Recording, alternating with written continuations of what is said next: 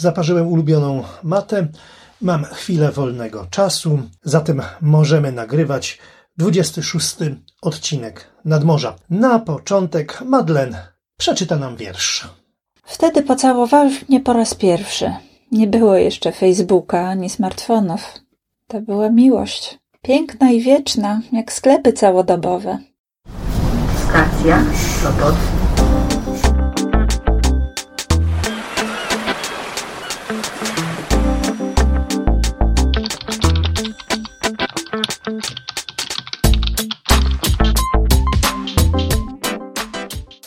Dobry, dobry wieczór, gdziekolwiek i kiedykolwiek zechcielibyście mnie słuchać. Przed mikrofonem nad polskim morzem wita wszystkich Piotr Wiktor Lorkowski.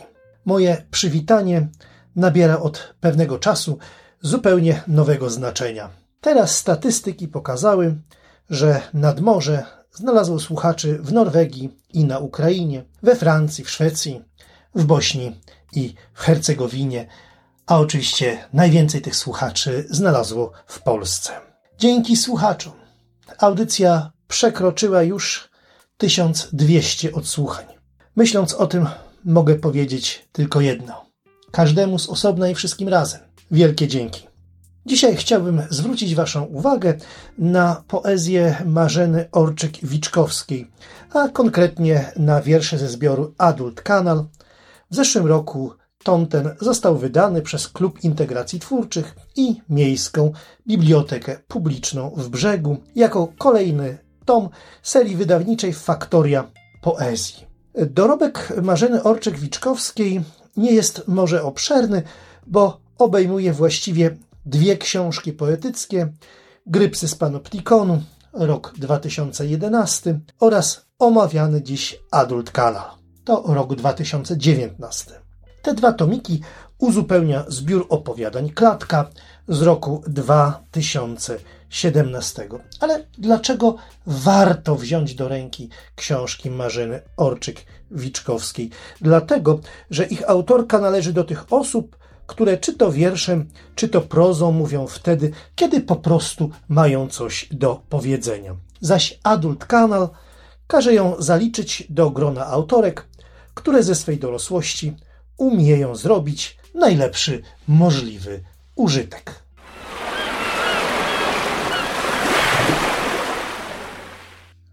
Adult Kanal, czyli życie dla dorosłych. Takim podtytułem można by dopowiedzieć i poniekąd także podsumować drugą książkę poetycką Marzeny Orczek-Wiczkowskiej. Dorosłość oznacza tutaj przede wszystkim porzucenie złudzeń co do samej natury życia, którego poetka dotyka całkowicie bez znieczulenia. Idzie tu chyba nie tyle o takie nagłe uwolnienie się od iluzji, ile o pozbywanie się ich w toku nabywania kolejnych doświadczeń, także jakieś y, takie coraz bardziej świadome przeżywanie losu, bardzo świadome, które nas rozstaje niejako ze złudzeniami, ale ten los toczy się w świecie coraz bardziej chaotycznym, coraz bardziej rozedrganym, coraz bardziej rozbiegającym się. Ten los toczy się w rzeczywistości, która jawi się tutaj jako zbiór przypadkowych danych funkcjonujących według zasad entropii. Naprawdę nie jest to poezja dla osób, które chcą przejść na dietę informacyjną.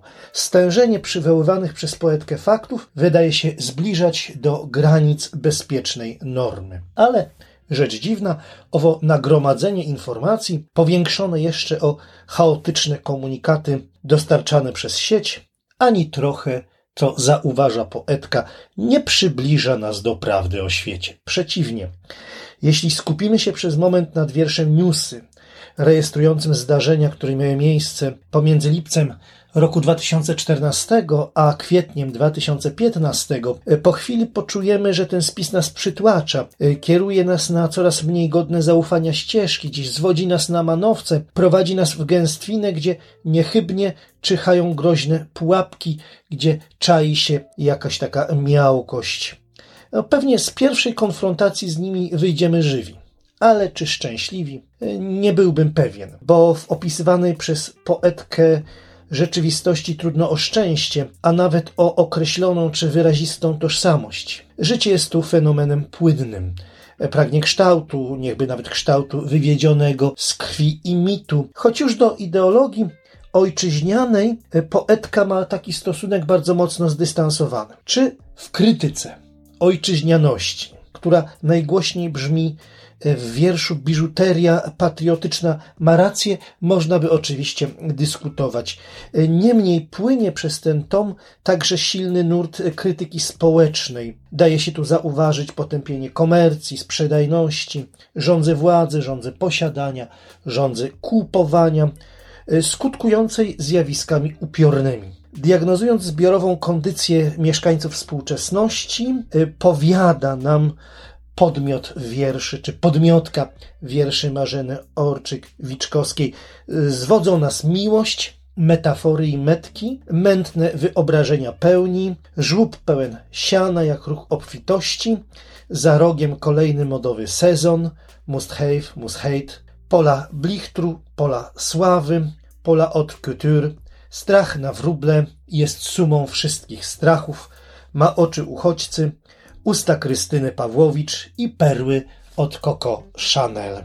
Sam tytuł tego wiersza Must have, must hate mógłby być emblematem naszej epoki. Swoisty portret podwójny ludzi będących produktami komercji e, rysuje autorka także w innym wierszu o również anglojęzycznym tytule Plastic Love. O miłości pisze zresztą często, w rozmaitych kontekstach, także w tym, do którego odwołuje się wiersz tytułowy, gdzie miłość okazuje się już znużona dotkliwym życiem w pojedynkę yy, oraz życiem we dwoje.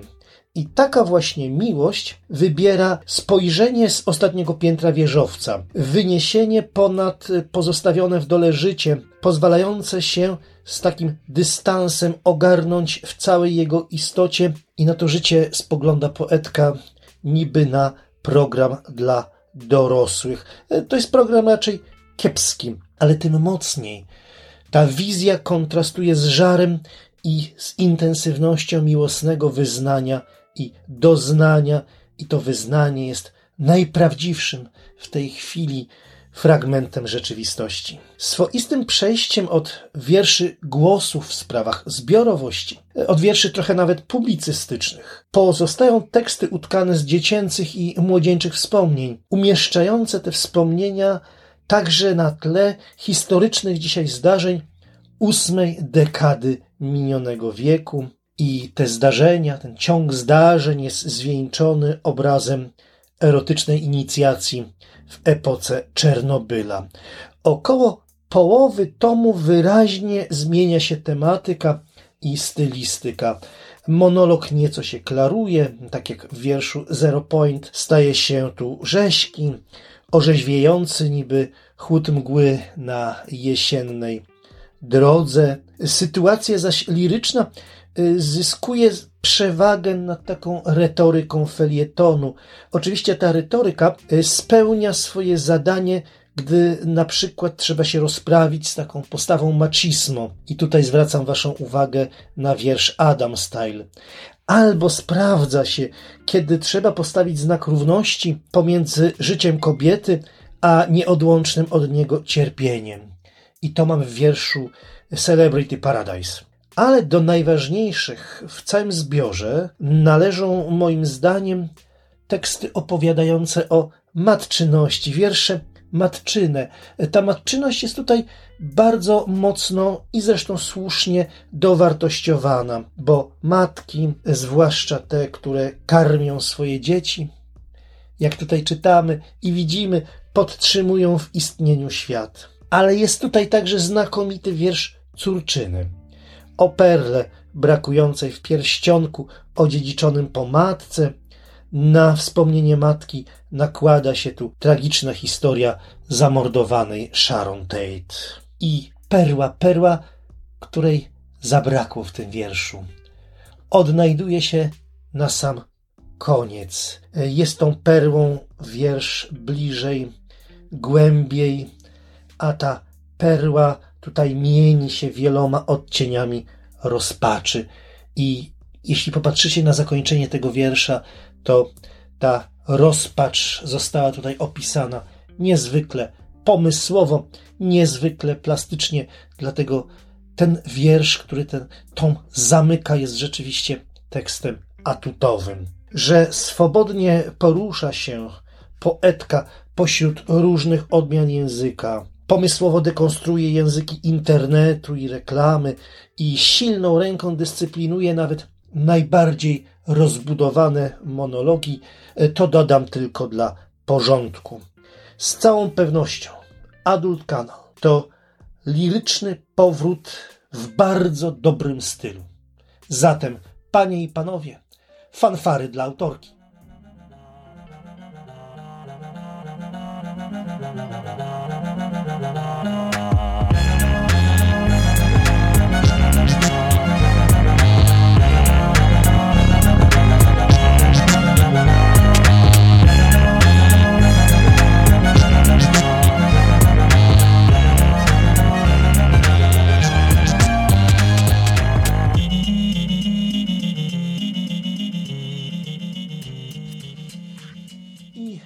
Słów kilka o tomikowej poczcie.